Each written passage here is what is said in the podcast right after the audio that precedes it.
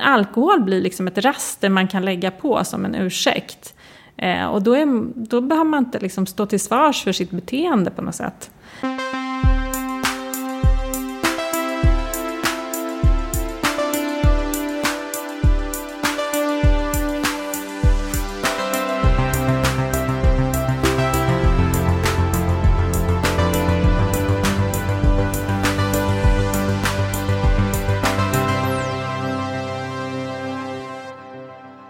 Då är vi tillbaka med podden som heter Heja Framtiden. Jag heter Christian von Essen. Sänder från min kitchen studio på Roslagsgatan 23 i Stockholm.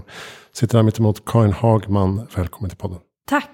Vd för IQ, eller IQ-initiativet. Ja. Använder ni initiativet? Bara i uh, mycket seriösa sammanhang. Typ vår styrelse, våra styrelsemöten. Annars säger vi IQ. Okej, okay. här kan vi vara avslappnade. Säga IQ. Jag ett dotterbolag till Systembolaget. Ja, det stämmer. Kan vi hoppa tillbaka direkt då? Varför och hur startades IQ? Ja, men IQ startades för lite drygt 15 år sedan. Eh, och IQ är en del av Systembolagets informationsuppdrag. Systembolaget har en uppgift att informera om risker och ska, skador med alkohol. Men för 15 år sedan så tänkte man att det är nog smartare att göra det på ett fristående sätt, att koppla bort det från Systembolaget som också säljer alkoholen. Mm. Och det är ju ett kommunikationsfokus vi har i det vi gör väldigt mycket. Vi är inga forskare på IQ utan vi försöker nå ut till de flesta i Sverige som är mellan 18 och 40 år i vår eh, primära målgrupp och så tonårsföräldrar. Alltså tider i livet där man kanske, där, där de här frågorna är viktiga. Och så jobbar vi för det vi säger ett smartare förhållningssätt till alkohol. Vi är inte någon nykterhetsorganisation utan vi tänker att alla människor mår bra av att reflektera och fundera över sitt förhållningssätt till alkohol. Så det är det vi gör. Ja, just det. Kunskap, kommunikation, nätverk. Exakt. Säger ni. Eh, och så driver ni Fyllepodden. Yes, det gör vi. Eh, vi har, med Musse Hasselvall som programledare. Mm. Eh, och den eh, kör vi och så bjuder vi in olika gäster och pratar om deras relation till alkohol. Och vad de tänker när de dricker och vad de har funderingar kring. Det första jag tänker på när det gäller alkohol är att ungdomar idag verkar inte dricka så mycket längre. De dricker, men de dricker ju mindre. Mm. Eh, och det är därför jag har mycket frågor om, eftersom att en av våra målgrupper är tonårsföräldrar. Att så här, men det här är väl inte något problem längre med alkohol, de håller väl på med droger istället och så. Men faktum är att de, de allra flesta ungdomar kommer någon gång under ungdomstiden i kontakt med alkohol. Antingen att de dricker själva eller att de är på fester där andra dricker. Det är väl det man kan se att den åldern har ändrats lite. Att när jag, jag som är till åren kommen, snart 50 år, när jag var ung då drack ju alla cola på högstadiet. Så är det inte idag. Eh, idag dricker en minoritet av ungdomarna på högstadiet. Eh, och framförallt dricker de mindre regelbundet än vad mm. vi gjorde. Vad tror du att det beror på då? Det är svårt att säga en specifik anledning. Vi har verkligen liksom träffat forskare och försökt undersöka det här. Det beror på flera saker. En sak är att vi har en stark hälsotrend i Sverige eh, och den eh, präglar också ungdomarna. Man, de coola tränar ganska mycket Eh, rör på sig, lägger upp tjusiga bilder på sig själva i sina kanaler om, när de tränar. Och det där rimmar liksom inte så himla bra med eh, att dricka mycket. Sen är det också relationen till föräldrar som har förändrats. Tidigare generationer har haft väldigt starkt behov av frigörelse från föräldrarna och föräldrarna har varit väldigt mycket en kontrollfunktion. Dagens föräldrar vill vara mer kompis med sina barn, de är ganska mycket mjukare på gott och på ont. Men det gör att den här revolten eh, blir inte lika stark. Alkohol får inte samma liksom, symbolvärde i min revolt som tonåring. Och en annan sak är att de är mycket mer hemma och umgås över nätet med sina kompisar. Eh, och de, de, är inte ute och drar liksom, och hänger bakom gården som ja, eh, andra gjorde. Nej, precis. Varje tillfälle man fick så hoppar man på en buss någonstans. Men eh, har ni även statistik över droganvändning? Eller det liksom, det, ligger det inom ert intresseområde också att titta på sådana saker? men vi tittar på det lite grann, även om vi primärt jobbar med alkohol. Men vi tittar ju på det därför att eh, det hänger ihop. Alltså de ungdomar som i högstadiet provar alkohol, de kanske inte heller är så sena att kanske prova cannabis. Eh, men vi är inte experter på det. Man ser väl att det ökar lite grann. Eh, och vad vi kan se då, nu sitter vi här i Stockholm och här kan man ju se att de i rika förorter, tonåringar i rika förorter har väldigt stor tillgång och där är det vanligare eh, att man testar droger. Eh, till exempel Lidingö, Danderyd, är sådana ställen där man som förälder kanske ska vara extra uppmärksam. När man pratar om unga och droger, den stora skillnaden är kanske idag att unga inte är så rädda för droger. Det är inte farligt för dem. De ser det liksom på tv-serier, eh, coola musiker eh, i kanaler. Så det finns överallt. När jag eh, växte upp, då kom det liksom eh, poliser till skolan och sa, röker man hash så börjar man med heroin snart. Mm. Den bilden har inte unga idag. Ja, just det. Förhoppningsvis har de bättre koll då, men samtidigt så finns det ju en massa märkliga nätdroger och syntetiska saker som inte man kan ha så bra koll på. Och det är väldigt mycket lättare för unga idag att få tag på droger. Du köper liksom via eh, Snapchat. Det är jätte, jätteenkelt om de vill. Mm. Men hur, hur dricker vi generellt i Sverige då? Man, man har ju pratat om det här att vi har bibehållit eh, svenska supa på helgen, arbetarkulturen samtidigt som vi har anammat den eh, sydeuropeiska dricka varje dag i veckan kulturen och slagit ihop dem till att dricka väldigt mycket. Eh, är, är det så eller håller det också på att avmattas? Ja, men det där tycker jag är jättespännande om man funderar framåt. Vad kommer hända med vårt drickande? För precis som du säger, förut drack man på helgen. Eh, och nu ser vi kanske en förändring i det. Och framförallt vad vi ser på IQ är en förändring. Vi mäter ju attityder. Att attityden kanske till vardagsdrickande inte är liksom... Man tycker inte att det är lika farligt som man kanske tyckte innan. Men vi dricker, jag tycker inte man kan säga att vi dricker mer, utan det är mer kanske att vi sprider ut vår konsumtion över veckans dagar på ett annat sätt. En spännande undersökning som jag läste, det var också att man, eh, man själv tyck, tror att man dricker mindre än andra omkring en. Eh, och ett viktigt medskick där är väl att man ska hålla koll på hur mycket man dricker, oavsett om man sprider ut det över veckan eller dricker på helgen. Så är liksom summan av lasten är konstant. Mm, just det. Det där kan jag, där kan jag själv känna igen. Man, så här, man tänker så här, varför är jag trött idag? Vi, vi gjorde ju ingenting igår. Vi drack ju knappt någonting. Så bara, fast ja, vi delade ju på typ tre flaskor vin och kollade på tv. Alltså det var helt meningslöst drickande. Men det blir ändå ganska mycket. Och så gör man det två dagar på helgen och sen så lite mindre på veckodagarna. Men eh, jag vet inte, det är som att man eh, bara för att man inte är på fest så tror man inte att man dricker.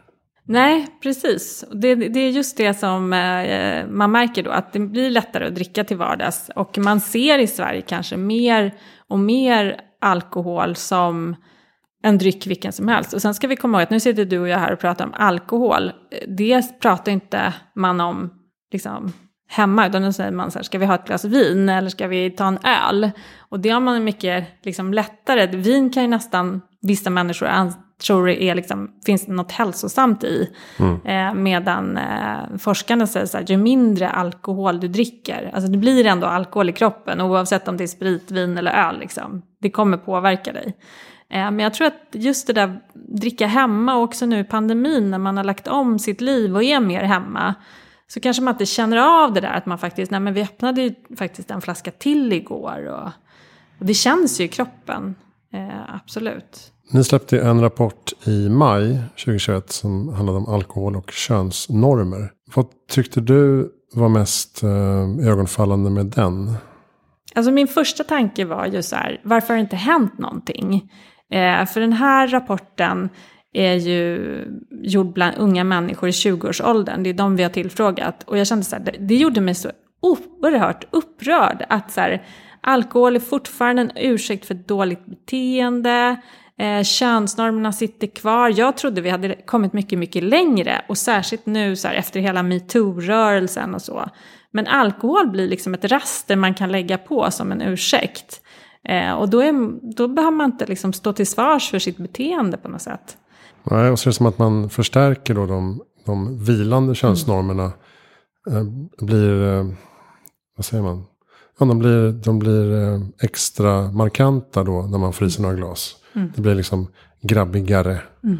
eh, framförallt. Ja, och det där, de som har svarat i undersökningen, de, de är medvetna om det. Alltså det är ju 60 procent i den här undersökningen som säger att ja, men vi upplever att det är olika förväntningar på män och kvinnor eh, när man dricker. Eh, och för kvinnor blir det liksom någon slags dubbel börda. För dels ska man dricka, för det är ett tecken på att man är frigjord och härlig och avslappnad och stark som kvinna. Och samtidigt så upplever jag jättemånga av dem som är med i den här undersökningen att så här, ja fast jag kan inte dricka så mycket för jag måste också ha kontroll. Jag måste se till att jag inte utsätter mig för några risker. Så att som, som, som kvinna är det väldigt dubbelt. Och som man då så förväntas du kunna dricka mycket, det anser man är manligt. Och liksom det, det tycker jag också är som, det känns ju väldigt föråldrat. Eh, och att man också då, ja men som kvinna blir man bedömd för sitt drickande. Och det blir man som man också då, om man är liksom en riktig kar eh, och kan dricka mycket och klara det. Eh, och för kvinnor blir det någon slags liksom jättejobbig balans mellan riskhantering å ena sidan mm. och frigörelse å andra sidan. Och vi pratade ju förut om hur vi dricker i Sverige. Och män dricker ju dubbelt så mycket som kvinnor i Sverige. Är det så? Ja. Mm. Eh, trots att kvinnor har börjat dricka mer och män har börjat dricka lite mindre. Så är det fortfarande så att män dricker dubbelt så mycket, mycket som kvinnor. Men det är kvinnor som råkar ut för mäns drickande. Mm. Så man påverkar inte bara sig själv, man påverkar ju folk runt omkring.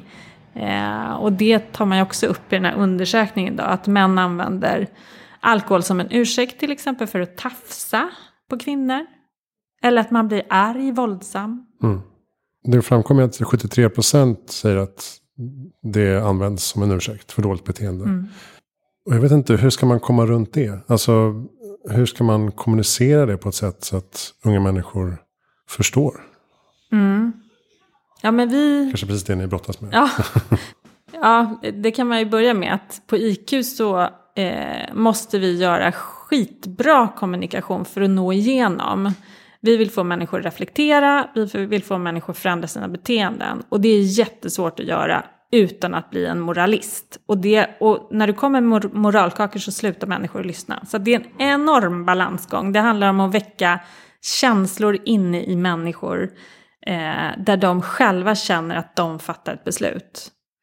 Och vi har gjort det till exempel genom att vara otroligt ironiska ibland eller, mm. eller så. Eh, men det, det är vår utmaning. Men jag tänker att eh, det jag försöker göra det är ju att prata, prata mycket om, liksom, visa på absurditeten i att det är så här fortfarande. Eh, vilket samhälle vill du vara med och skapa? Börja med dig själv. Uh, vad accepterar du, vad accepterar du inte? Jag tänker så här, hur många fester har man inte varit på, liksom, där man har man har sett att någon dricker alldeles för mycket men inte stoppat det till exempel. Mm, just det. Jag tycker att nu är jag i 40-årsåldern då. Eh, jag tycker att väldigt mycket av det sociala umgänget handlar om alkohol på olika sätt. Inte så att man hetsar att dricka på det sättet. Men, men att det blir så mycket man måste ta hänsyn till. Mm. Plötsligt så kommer folk på middag som inte dricker. När man har planerat för en kväll med massa dryck. Eh, någon kör bil, någon är, har en vit månad, någon ska träna. Någon slutar för att den alltid eh, dricker för mycket, gör dåliga saker. Någon går i terapi. Alltså, det är väldigt så här eh, laddat mm. igen. Vilket det kanske inte var 20-30 års åldern var det mer så här. Alla bara kör på så mycket de så mycket de pallar och sen så blir det en massa skit. Och sen så, nu har man kommit till den åldern och så här, nej men jag, jag har faktiskt slutat dricka mm. helt. Det bara blir extra, en extra parameter att ta hänsyn till. Samtidigt mm. som alla ska äta olika saker också. Men det som jag tänker när du säger det där, då blir jag egentligen ganska glad. Ja, det är att, i alla fall en självinsikt. Ja. Och beslut. Det tyder på självinsikt men också att de kommer. För att vi har gjort undersökningar när folk avstår från sociala sammanhang. För att de orkar inte med att dricka och de orkar inte tacka nej till att dricka. Så det där som du beskriver, det är ju någonting väldigt bra. Men du sätter ju fingret på det som blir svårt och det är att vi har byggt vårt sociala sammanhang, sättet att umgås i de här åren mellan 20 och 30. Och vi har byggt det runt alkohol väldigt mycket. Mm. Och nu måste man liksom, om man ska umgås utan alkohol, då måste man lära känna varandra på ett nytt sätt. Eh, och ett kanske våga blotta sig, våga känna sina osäkerheter eh, och så. Men det är ju bra att man kommer. Och sen så, en annan sak som jag tycker är intressant, det är också att man måste berätta varför man inte dricker. Alltså man kan, jag kan inte komma hem till dig på middag och bara säga så här, nej men jag dricker vatten. Jag måste komma med en ursäkt, det tycker jag också är så intressant. Mm. Om jag kom hem till dig och sa så här, nej men jag struntar i potatisen eller jag struntar i salladen eller jag vill inte dricka juice. Då skulle ingen ifrågasätta varför. Men alkohol, det är nästan som att om jag säger nej till att du bjuder mig på alkohol, då är det nästan som att jag trackar ner lite på dig. Eller så här, jag värdesätter inte, förstår du vad jag är ute efter? Att så här, jag, nej, då var inte den här middagen värd så Men jag har ju köpt ett fint vin här. Ja. Hur det ska komma. Nej, det, det finns en laddning kring alkohol och jag tror att det är att alkohol är så förknippat med njutning i vårt samhälle. Eh, nu, nu har det alldeles nyligen varit sommar och liksom, hur många vinglas på altaner har jag inte haft i mitt Instagramflöde? Och vad är det för signal det vill säga? Jo, Mm. Jag njuter av livet, vill det säga.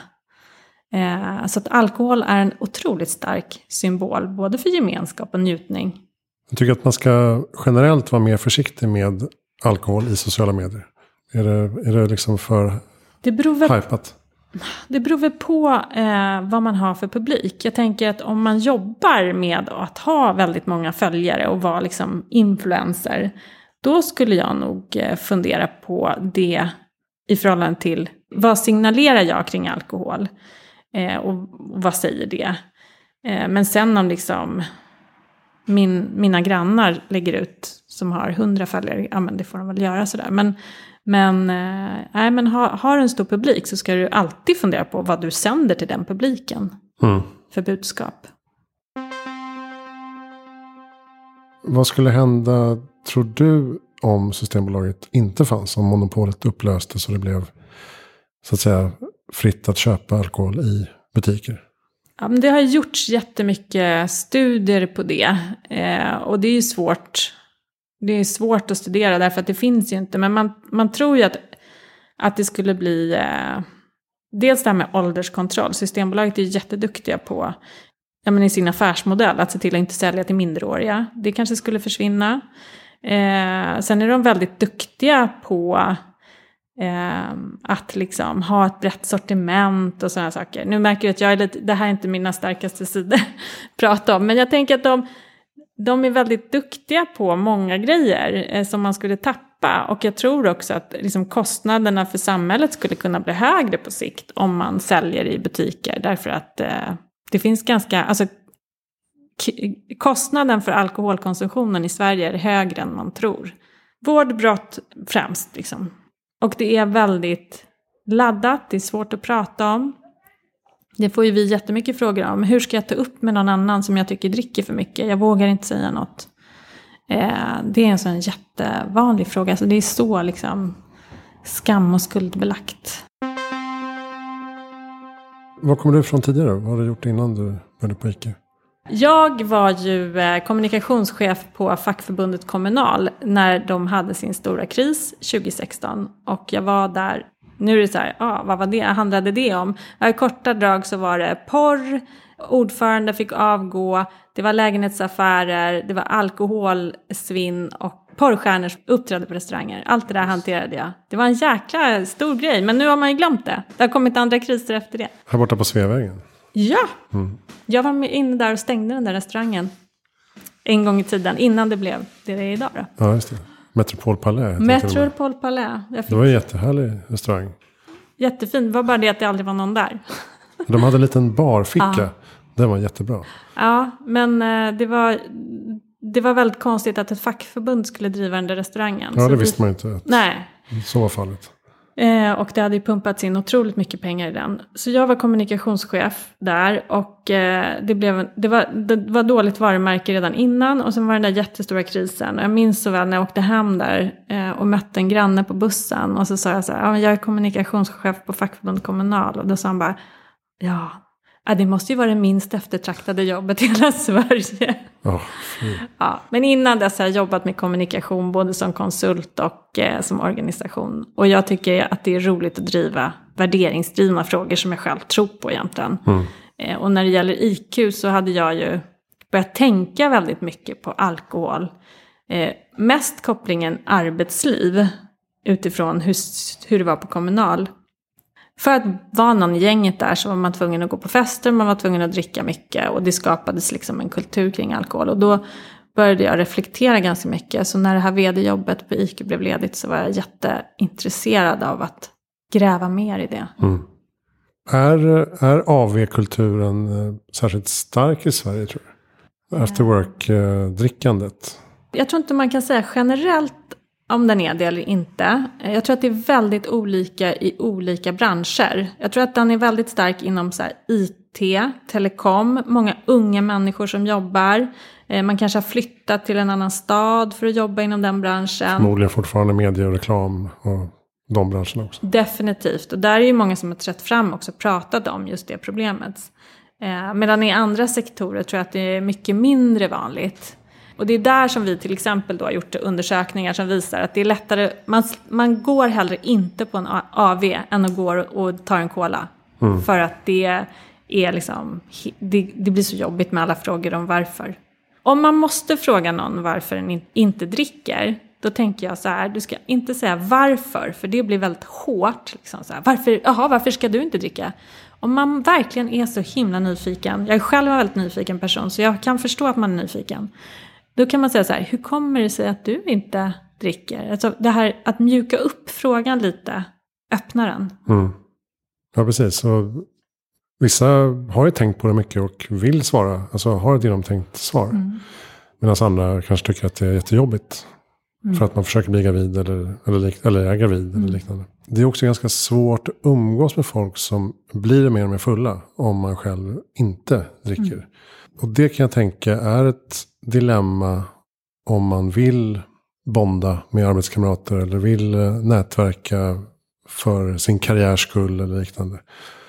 Och det liksom utvecklas till någon slags sjöslag på julfesterna. Mm. Att man inte ens vill gå längre. Mm. Ja, ska man ta upp det då med jag, sin chef? Ja, jag tycker man ska ta upp det. Eh, jag kan berätta en historia från när jag jobbade på eh, Kommunal. Eh, då var det så att alla blev väldigt fulla på alla fester. Nu hänger vi ut Kommunal här. Ja, men jag har redan pratat om det så mycket och alla där, de vet det. Så det är inga kvar från den tiden. Och dessutom att jag kan prata om det, det handlar om att de gjorde en jättestor åtgärdsplan och faktiskt har förändrat. De bjuder aldrig på alkohol nu. Aha, så att därför så, så kan man prata om hur det var förr. Mm. Men i alla fall efter en sån där fest så gick jag till vår personalchef, en jätteduktig, bra person. Och så sa jag så här, ja, jag tycker att det är ett problem. Det, liksom, folk, det, det, blir obehagligt när chefer blir så här fulla. Och då sa han bara, jag vet, jag vet, det är så himla jobbigt. Men det går inte att göra någonting åt. Och jag, det här är en jättebra person. Men det där hängde ju kvar i mig så otroligt länge. Eh, därför att det går alltid att göra någonting åt. Men, men du måste ha högsta ledningen med dig. Mm. Du måste liksom förklara för vd, högsta chefer, de, de får inte vara en del av det här problemet. Därför att det är de som sätter hela kulturen på företaget. Om högsta chefen, om jag som vd är den som alltid bjuder in till AV med alkohol eller alltid blir fullast på festen. Drar in shotsbrickan liksom. Då, då för att vara med, då kommer min personal tro att de måste bete sig likadant. Mm. Eh, och sen så tänker jag att apropå AV och alkohol på jobbet, vi har ju den här starka hälsotrenden i Sverige. Att vi ska inte vara så himla liksom, gammaldagsa och tycker det finns en fantasilöshet kring liksom, julbord med snaps. Alltså man kan sticka ut och klättra eller göra något annat kul. Fasiken gå en vandring på ett liksom, tak i Stockholm. Vi är väldigt fast i som gamla normer. Det där, det där, jag tycker man ska fråga personalen själv vad de vill göra. Mm.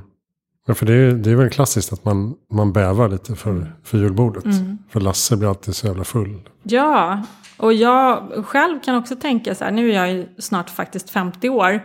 Eh, om jag tänker tillbaka på min karriär som så amb ambitiös tjej så har ju jag ursäktat mycket dåligt beteende av alkohol. Eh, därför att eh, jag har förstått att så här, här gäller det att hänga på om du vill få en bättre tjänst framöver. Mm. Eh, och cheferna har spelat otroligt stor roll. Eh, jag var kommunikationschef innan på ett annat ställe där chefen eh, aldrig drack själv. Det var en kvinnlig chef. Hon drack aldrig och hon tog aldrig alkohol på jobbets bekostnad. Och det var så skönt för oss. Jag tyckte det var, för mig var det en befrielse som ung tjej. Mm. Ja, det är inte det som behövs i alla fall. Har IQ, har ni själva någon framtidsvision av hur samhället ska se ut? Ja, men det kommer från olika håll tror jag. En av våra starka visioner det är ju att eh, vi ska kunna umgås och vara utan att sitta fast i gamla normer. Det är därför vi tar fram den här rapporten till exempel om alkohol och könsnormer. För att liksom påvisa det här problemet och prata om det. Att du ska kunna vara fri liksom, som människa.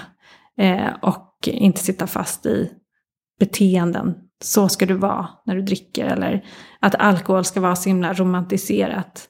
Med det sagt så tänker jag så här jag tror inte på någon slags nollvision. Jag själv, dricker själv alkohol då och då. Det är inte så att eh, vi tror på en värld där man inte dricker. Men där man dricker på ett sätt som man inte skadar sig själv och inte skadar andra. Alkohol har en enormt stor sån här andrahandspåverkan. Att när jag dricker, ja klart jag påverkar mig själv. Men som förälder Ens barn till exempel upptäcker ju otroligt fort att du har druckit. Och det behöver inte vara att du blir aggressiv. Det kan ju vara att du blir mer kramig. Eller ska prata om hur mycket du älskar dem och så vidare. Men det blir också, kan också bli obehagligt för ett barn. För att du blir personlighetsförändrad.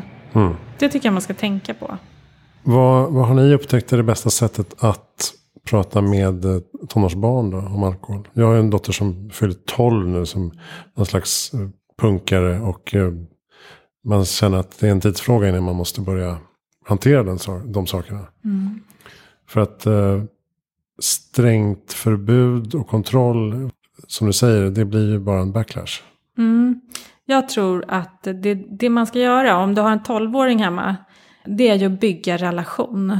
Alltså göra grejer och prata om saker, inte på tvingande sätt. Jag har ju två eh, pojkar som är 18 och 15.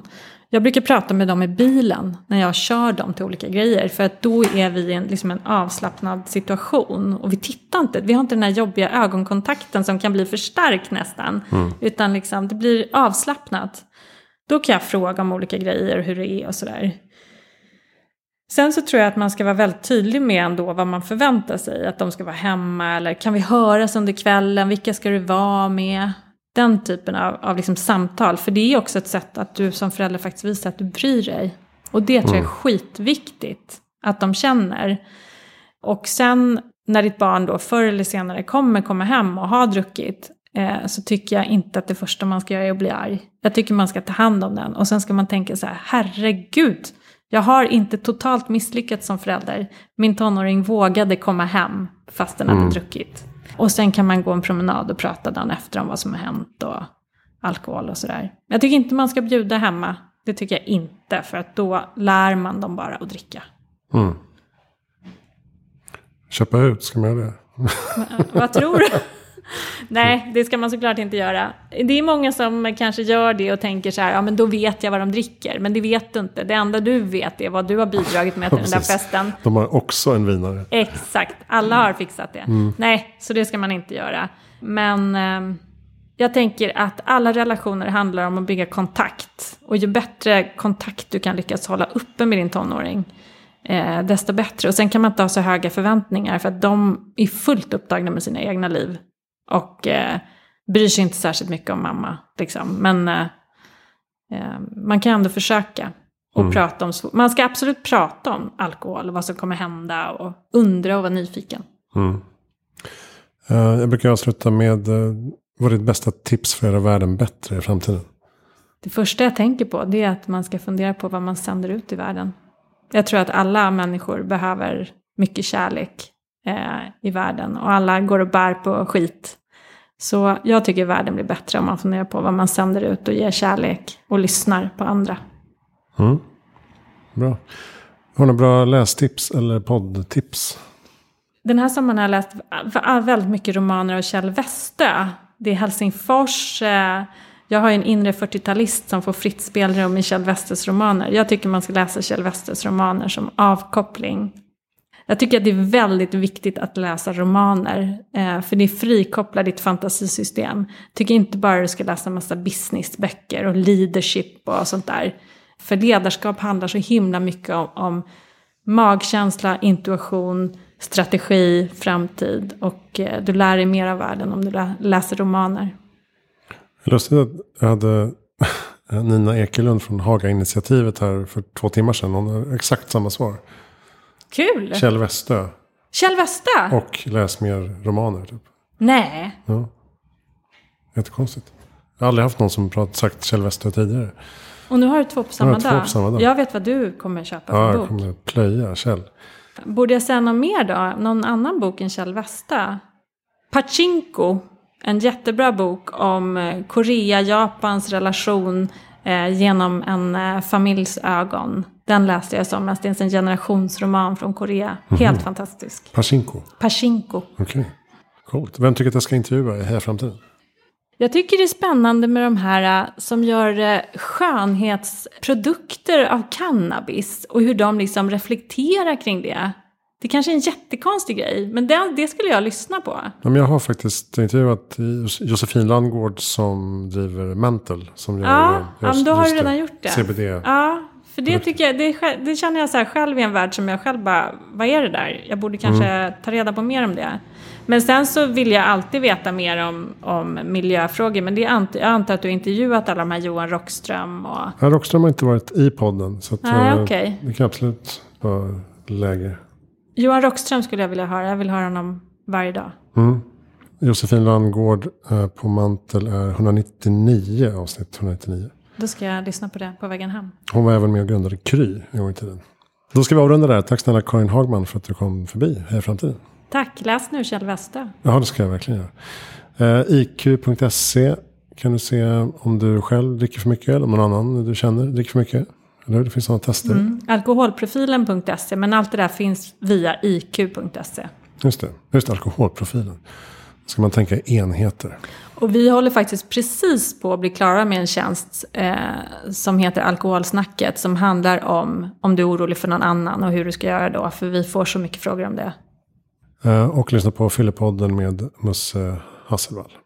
Grymt. Eh, uh, Hejaframtiden.se, där hittar du mig och allt jag gör med Heja Framtiden och magasin och böcker och så vidare. Boken Nu fattar jag på Lava förlag. Bra julklapp till företaget.